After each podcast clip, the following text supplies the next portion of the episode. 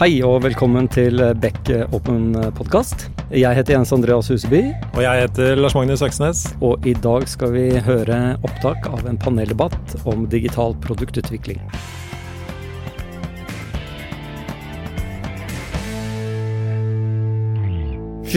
november 2019, da samlet vi i Beck over 100 av kundene våre til en temakveld hvor vi snakket om digital produktutvikling og innovasjon. Eh, og I løpet av kvelden så hadde vi en panelsamtale som eh, kom inn på temaer som digital produktutvikling, og hvordan det henger sammen med både innovasjon og ikke minst hvordan, hvordan man kan få det til uh, i store, etablerte selskaper. Vi skal høre en del opptak fra paneldebatten, og i det panelet så satt Siv Juvik Tveitnes fra Skipsted, Stein Inge Morisbakk fra Haugland Kraft, vi hadde Marit Andreassen fra VIPS og en som heter Tobias Falkberger fra Riks-TV, i tillegg til Jon Fagerås som jobber eh, i Beck. Men før vi hører det første klippet, eh, Lars Magnus, kan du si noe om hva digital produktutvikling egentlig er for noe? Jeg kan prøve, og um, jeg skal ikke prøve å definere det, men det er i hvert fall det som skiller digital produktutvikling fra produktutvikling eh, er egentlig feedback-loopen og lengden på feedback-loopen. Fordi det er ikke sånn at produktutvikling er noe nytt man driver med. Man har jo hatt produkter i, i alle tider, så å si. Ikke sant? Og, og, før var det jo mer sånn at man, man, lagde en ting, og så bare begynte man å selge det? Ja, man lagde en ting, og det tok lang tid å få på plass en prototype. Og det tok lang tid å få tilbakemelding fra brukerne, og de loopene var ganske lange. Mm. I hvert fall når vi snakker om fysiske produkter. Så hvis jeg skal på en måte si hva som er unikt med digital produktutvikling, så er det nettopp hvor raskt du kan få noe ut til brukerne og se hvordan de responderer på det, og ta den læringen inn i hvordan du tar produktet videre, da. Ja, så Bare for å ta det helt ut, da, så er det litt sånn at før så var det kanskje sånn at du lagde en stol, og så etter et år så var den ute i markedet, og så plutselig fikk du tilbakemelding om at det ene beinet knakk. Ja, og så må du lage versjon to, eh, som kommer da et par år etterpå. Ja. Eh. Mens i dag så slipper vi uh, ulike versjoner av den stolen daglig, da. Uh, og se hvordan det resonnerer med brukerne og markedet vårt. Mm. Så det er vel liksom uh, en veldig viktig forskjell, i hvert fall. Mm. Så med, med, med, digitale så får du da de tilbakemeldingene med en gang? Ja, det gjør det. Du får dem liksom rett i fleisen. Det gjør at du kan redusere risiko, fordi du, du, blir, du, brenner mindre tid og penger på ting du er usikker på, eller ting du ikke har validert. da.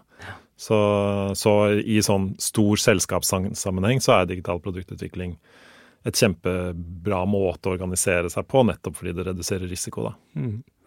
Og det, det, er en sånn link her mellom det å jobbe på den måten og innovasjon. Og den er ikke så åpenbar. fordi... Mm men det, men det, er en sammenheng her, fordi du vet jo Når du baserer deg så mye på feedbacken, så vet du kanskje ikke hva, hva, du lager Altså hva du skal lage. Du vet jo ikke hva du kommer til å ende opp med om et år hvis du daglig forandrer og tuner etter uh, feedback. Nei, så er det noe med balansen mellom det å uh, forbedre det man allerede har, og det å lage noe nytt. Mm. Uh, og det, en ting jeg syns var fint som panelet kom inn på når de hadde den samtalen, var nettopp det at hvordan kan man lage helt nye ting uten at man må? Uten at markedet presser deg til det, konkurrentene presser deg, eller eh, regulatoriske krav har endret seg, eller sånne type drivere. Hvordan kan store selskaper jobbe med innovasjon uten at eh, det brenner under beina på dem? Ja, ikke sant. Eh, og da tenker jeg vi skal spille av første klipp. Spørsmålet er altså hvordan i all verden får du et stort, etablert selskap som tjener godt med penger, til å tørre å bruke tid og penger på å lage noe som egentlig er ganske nytt. Og i dette klippet skal vi høre Siv Juvik Tveitnes fra Skipsted og Stein Inge Morisbakk fra Haugland Kraft. Hvis du jobber i kraft, så må du jo ikke satse, må du det? Det har liksom 80% markedsandel eller noe sånt, og det er liksom, pengene bare renner inn. Altså jeg tenker sånn, Dette har jo med forretningsmodell å gjøre. altså det, Skipsted måtte jo satse. Dere må jo satse, liksom. Er, eh, ja. ja. For å svare litt på det, da. Eh, når Skipsted etablerte eh, Finn, så var det et ganske modig valg. Eh, det, dette er jo liksom alle rubrikkannonsene som kommer fra abonnementsmediehusene. Sant? Så man på en måte hadde en fornemmelse av at dette kommer til å gå digitalt på et eller annet tidspunkt. Men akkurat da på en måte eh, eh, eh, altså Skipsted gjorde dette eh, grepet, så var, det, var, jo vi på ingen måte sikker på at vi kom til å lykkes med det. Så det var jo et veldig modig valg eh, som vi gjorde på et tidspunkt der veldig få andre gjorde det. Eh, og litt av det jeg prøver å fortelle med den historien til VG i dag også, sant? det har jo på en måte vært en pengemaskin på veldig, på, i veldig mange år. Sant? De har tjent enormt mye penger på den papiravisen sin. Og likevel har de investert i ny teknologi, de har skilt ut selskapene, de har fått eh, la det leve på egne premisser. Men han har jo ikke måttet gjøre det. Eh, men det er fordi at man har vært visjonær, eh, vil jeg påstå å si. da, fordi at man har vært enormt lønnsomme. Og så det er litt annerledes rundt akkurat det med de abonnementsmediehusene og det som skjedde nå for noen år tilbake. For da var jo det krise, krise, krise. Uh, ja. Så det, det, er litt begge deler her, altså. Skal har satt oss dere der, eller? ja, men det er helt klart altså, det, er, det er jo fornuftig problemstilling du reiser der. For at det, hvis du har det for uh, komfortabelt Eh, så, så, er det krevende selvfølgelig å liksom virkelig skape transformasjon og eh, liksom bryte ut av gamle handlingsmønstre. For at eh, ja, i kraftbransjen vil ikke si at pengene strømmer inn. Altså, det er mye hardt arbeid som ligger bak. Men, men det er klart at uh, omsetningen er god. men, men, men det, er, det noe som jeg, som jeg lærte av eh, businesskonsulentene, er viktigheten av å kunne skape en sånn eh, burning platform. På burning platform altså Det er nok av skremselsbilder du kan tegne. Eh, og Det fins jo kan man google seg fram til overalt. Altså det, er, det, er, lett å tegne et bilde hvor alt går bare nord og ned. Og, og bruke Kodak-eksempelet og, og kjøre på. Sånn at det er jo det alternativet man må ty til, da. jeg tror, jeg tror bevisstheten er der om at dette vokser. Det er ingenting som vokser inn i himmelen. Med unntak av vannkraft. Da. Ja, det poenget her er jo veldig interessant, fordi alle etablerte selskaper har jo store inntekter fra et eller annet, og de har en forretningsmodell som på en måte er satt opp for å fortsette å tjene gode penger på det man tjener penger på. Mm. Uh, og, og, i høy grad så er det jo et selskap er jo lagd for å beskytte den forretningsmodellen. Mm. Uh, og de har til og med folk med ansvar for å beskytte den forretningsmodellen. Ja. ja vi kaller det ofte for tyngdekraft, da. Okay. Uh, tyngdekraft da, handler om organisering, målsettinger, pengestrømmer. Og, og, når du prøver å skape noe nytt i, sto, i en stor eksisterende og lønnsom rigg, da, så blir du dratt mot tyngdekraften. Du blir mm. dratt mot det de er gode på å utnytte allerede. Ja. Eh, og på en måte du kan få en, en effekt der innovasjonen på en måte At ja, kjernevirksomheten blir defensiv også, da, mm. eh, overfor sine egne initiativ. Ja. Det er to måter jeg møter det spørsmålet på ganske ofte. Det ene er eh, altså hvis du jobber med noe som er litt nytt. Det ene er den ja, Hvorfor bruker du tid på dette? Det er jo De store summene ligger jo i det vi allerede har. Mm. Eh, så hvorfor hvorfor forbedre noe annet enn det? Mm. Og det andre er kanskje en viss grad at man kan pirke borti de inntektsstrømmene som allerede fins. Mm. Uh, hvordan løser man noe sånt nå? Ja, det er jo et sånt organiseringsspørsmål òg. Jeg har sett mange ulike måter å tenke organisering og innovasjon eh, i forhold til sin egen tyngdekraft. Da. Noen eh, tar det langt unna og etablerer egne organisasjoner, mens noen er tettere på for å, for å få synergier og på en måte alignment mer med, med det de allerede har. Da. Så det syns jeg kom opp en del gode refleksjoner rundt det også i den uh, samtalen. Mm -hmm. Ja, Så spørsmålet er egentlig tør du å sette opp, bør du helst sette dette nye produktteamet, de som skal lage noe nytt, tett på der hvor du, tyngdekraften er i dag, eller bør du holde den langt, langt unna? Mm. Og nå skal vi tilbake igjen inn i paneldebatten, hvor eh, Siv fra Skipsted eh, forteller litt om eh, hvor, hvordan de kom i gang med Finn. Og, eh, og, på den debatten så hiver både Stein Inge fra Haugland Kraft seg, og Marit Andreassen fra Vips og Tobias fra Riks-TV for å fortelle hvordan de har erfaring med innovasjon inne og ute i organisasjonen. Det kan være krevende å skape liksom, en god innovasjonskultur og drive innovasjon kanskje spesielt i store virksomheter når det går godt. Eh, hva er egentlig den beste måten å skape innovasjon på i store, etablerte virksomheter? Kanskje naturlig å vippe den mot deg, Siv? Jeg har akkurat fortalt litt om hvordan vi gjør det. da. Eh, at vi i hvert fall i noen av selskapene våre har hatt en modell der vi har eh, skilt det ut fra den tradisjonelle virksomheten og la det leve sitt uh, eget liv. Og så altså er jo dette tror jeg på en måte også, altså det, Dette handler jo om ledelse og kultur også. Sant? Hva er det lederne faktisk er opptatt av? Hva er det de stimulerer til? Hvordan er det de klarer å få ansatte engasjert i innovasjon? Hvordan kan man sette av tid til det? Hvordan kan man få midler til det? Så det, det handler liksom litt om å få den eh, entreprenørskapsånden eh, på plass, eh, på plass uh, også. Uh, og Det er jo egentlig en, ja, en, lederoppgave, hvis ikke det finnes der fra før, for å virkelig sette det på agendaen, men òg ha verktøy som gjør at du, at du får det til. Ja, Hva vil du kommentere først? Skal vi ja, jeg, jeg, jeg, kan, jeg, er veldig enig i det du sier. For det, eh, det, du må gjøre, er at du må, du må øh, og Der handler om sånn delegering av myndighet og mandat, og det å føle at folk er en del av noe. Og at det faktisk tar eierskap til de produktene og de tjenestene som de skal levere. Så autonome team og delegering av liksom, myndighetene og mandatene, og også liksom ansvaret for hvis det går skeis også. Eh, at, eh, at, det skaper et eierskap som gjør at du kan få eh, da, da, da, fjerner du litt det der store selskapsbildet, som kanskje går godt, eller som er altfor stort å ta et forhold til det, til at det blir betydningsfullt med, det, med den ene tjenesten eller produktet som du holder på å utvikle. Da. Hvis det ga mening. Får jeg si noe? Ja. ja. Uh, jeg tenker på det, som er viktig her igjen, er liksom at jeg, jeg, tror ikke det er en silver bullet. Og så får du uten tvil at om du setter det ut, så får du veldig mye mm, si, fart, og du får ting gjort. Men du, har, du spiller litt sånn farlig spill, for du får fort en subkultur. Du får kanskje en, en ny bedrift, du får et A- og et B-lag. Du gir deg ut på ting som, som er litt sånn skummelt. Uh, så sier jeg ikke at, at, du, at, du, ikke skal gjøre det, men du må i hvert fall være veldig bevisst på de tingene her. Eh, Riks-TV har vi prøvd litt forskjellige modeller. Det vi gjør nå med, med Stream, som, som vi snakket litt om før, egentlig at istedenfor å sette det ut, så setter vi det egentlig inn og inn i midten. Og at vi har bygd organisasjonen rundt det nye. Og at vi har et kjerneteam som, som jobber tett og itererer. Men resten av organisasjonen er med på den reisen.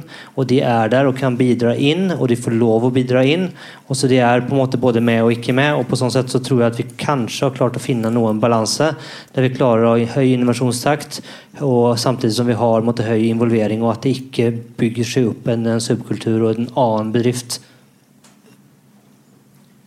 det var egentlig spørsmålet mitt. Var, vi har sett så mange eksempler i dag på tjenester eller produkter eh, som skilles ut fra på en måte eh, hoved... Altså moreorganisasjonen. Må det være sånn? Men nå kommer du med et uh, annet eksempel. Da. Men VIPS ble også startet sånn som et aksjonsteam som på en måte ble tatt ut av DNB og fikk jobbe i sin egen uh, boble. Digipost var sånn. Ja, ja, det var jo på en måte det. Litt, sånn, litt fordi det var hemmelig. Litt sånn tilfeldig at det ble sånn. Nei, ikke tilfeldig. Nei, det var, men eh, det, det, var litt sånn. Eh, men jeg er jo helt enig med deg at det er veldig skummelt å gjøre sånt for mye. Eh, og det er jo der jeg kommer til å få den backlashen fra Solkraft-prosjektet som, som vi gjennomførte med å bare ta folk helt ut av organisasjonen. Altså, folk fikk jo ikke tak i de folka som satt på det teamet lenger heller, sånn, som de var helt avhengig av å snakke med og samhandle med. Og ingen forsto hva vi holdt på med. Ingen eh, altså, Informasjonen om hva, hvorfor vi gjorde dette her, var for dårlig. Eh, og helt klart sånn der, eh, Hvorfor er de med på det, og ikke jeg er med på det? Altså, mange av de problemstillingene der. da så det er viktig å ta det inn igjen i organisasjonen, og ikke la det spinne der ute. Eh, altfor lenge. Altså ikke gjør for mange av de. Men Bruk det som et slags sånn stjerneeksempel på sånn kan det gjøres, men prøv å gjøre det internt i organisasjonen. Ja, og så tror jeg jeg kan si at uh, har, altså de gangene man har gjort dette skipssted, så har ikke det vært uten friksjon. Sånn, dette har jo vært utrolig sånn uh, provoserende, og det har, vært altså, det har vært vanskelig og mye friksjon uh, rundt det. Men uh, sånn i ettertid så tror jeg det har vært veldig klokt å gjøre det. Og jeg tror du kan finne folk som jobber i, de, eh, måte, i våre abonnementsmediehus og enda føler en bitterhet til at Finn ble skilt ut. Men uh, jeg tror uh, jeg tror, ikke, ja, jeg tror, vi alle kan være enige om at Finn hadde ikke vært det det, det er i dag. Om det skulle vært en sånn samdrift mellom, eh, mellom tradisjonelle mediehus. Sant? Det er noe med at det er bare en annen måte å drive et selskap på, som må bare leve, leve på sine egne, egne, premisser. Men det har jo vært mye friksjon i det vi har gjort. altså. Dette er ikke noen perfekt verden. Og vi hører jo her at dette, dette er vanskelige greier. Det, det, er, eh, det, er, ikke noe perfekt oppskrift på om man skal gjøre eh, innovasjon eller digital produktutvikling internt i selskapet, eller sette det ut. Mm. Eller i hvilken grad man skal sette det ut. Her er det jo masse ulike hensyn å ta. Eh, tror man at dette er et supplerende produkt som bare skal inngå i helheten på et eller annet senere tidspunkt, eller, eller, eh, eller som i eksempelet med VIPS da, som, eh, som, egentlig har blitt et bransjesamarbeid. Det er blitt en, et nasjonalt bolverk mot at Facebook og andre store internasjonale aktører kommer og ødelegger hele bankbransjen vår. Mm. Så, og, som et eksempel på noe som blir satt helt ut. da. Mm. Og det er, tror jeg for mange oppleves litt sånn tveget også, fordi autonomi er uh, utrolig motiverende for de som jobber på de teamene. De har jo høy grad av selvbestemmelse uh, for hva som er best for deres produkt. Og så tror jeg de som kanskje organiserer autonome team, når det begynner å bli flere av de, uh, ser at hvordan skal vi sørge for at de drar i samme retning, da. Fordi produktene har mål som de teamene styrer etter, men selskapet som forvalter de produktene, har også mål. Mm. Så det å unngå at de autonome teamene blir nye siloer igjen, det tror jeg er en utfordring eh, som mange kan kjenne på. Ja, og det snakket også panelet litt om. Eh, VIPS er jo blitt en ganske svær organisasjon. og i det klippet vi skal høre nå, så er det VIPS som forteller om sine erfaringer med, eller hvordan de jobber for å unngå disse siloene. Eh, og så skal vi høre Riks-TV dele sine erfaringer. Eh, og nå har vi kommet dit at vi har ganske sånn stabile produktteam, og så ser vi at det også gir litt sånn ulempe i, forhold til at det blir litt silobasert. Så neste skritt for oss handler også om eh, litt av den fleksibiliteten som dere snakket om i forhold til nettverk. At vi må nok se litt på hvordan vi kan være mer fleksible. Eh, samtidig kanskje ha noen stabile kjerner, men eh, vi må snart endre oss litt uh, i å være mer fleksible på tvers. Da. Men uh, det er liksom interessant. Jeg tror man må gjennom den modenhetsfasen, og så må man få med seg hele organisasjonen på å forstå det selv.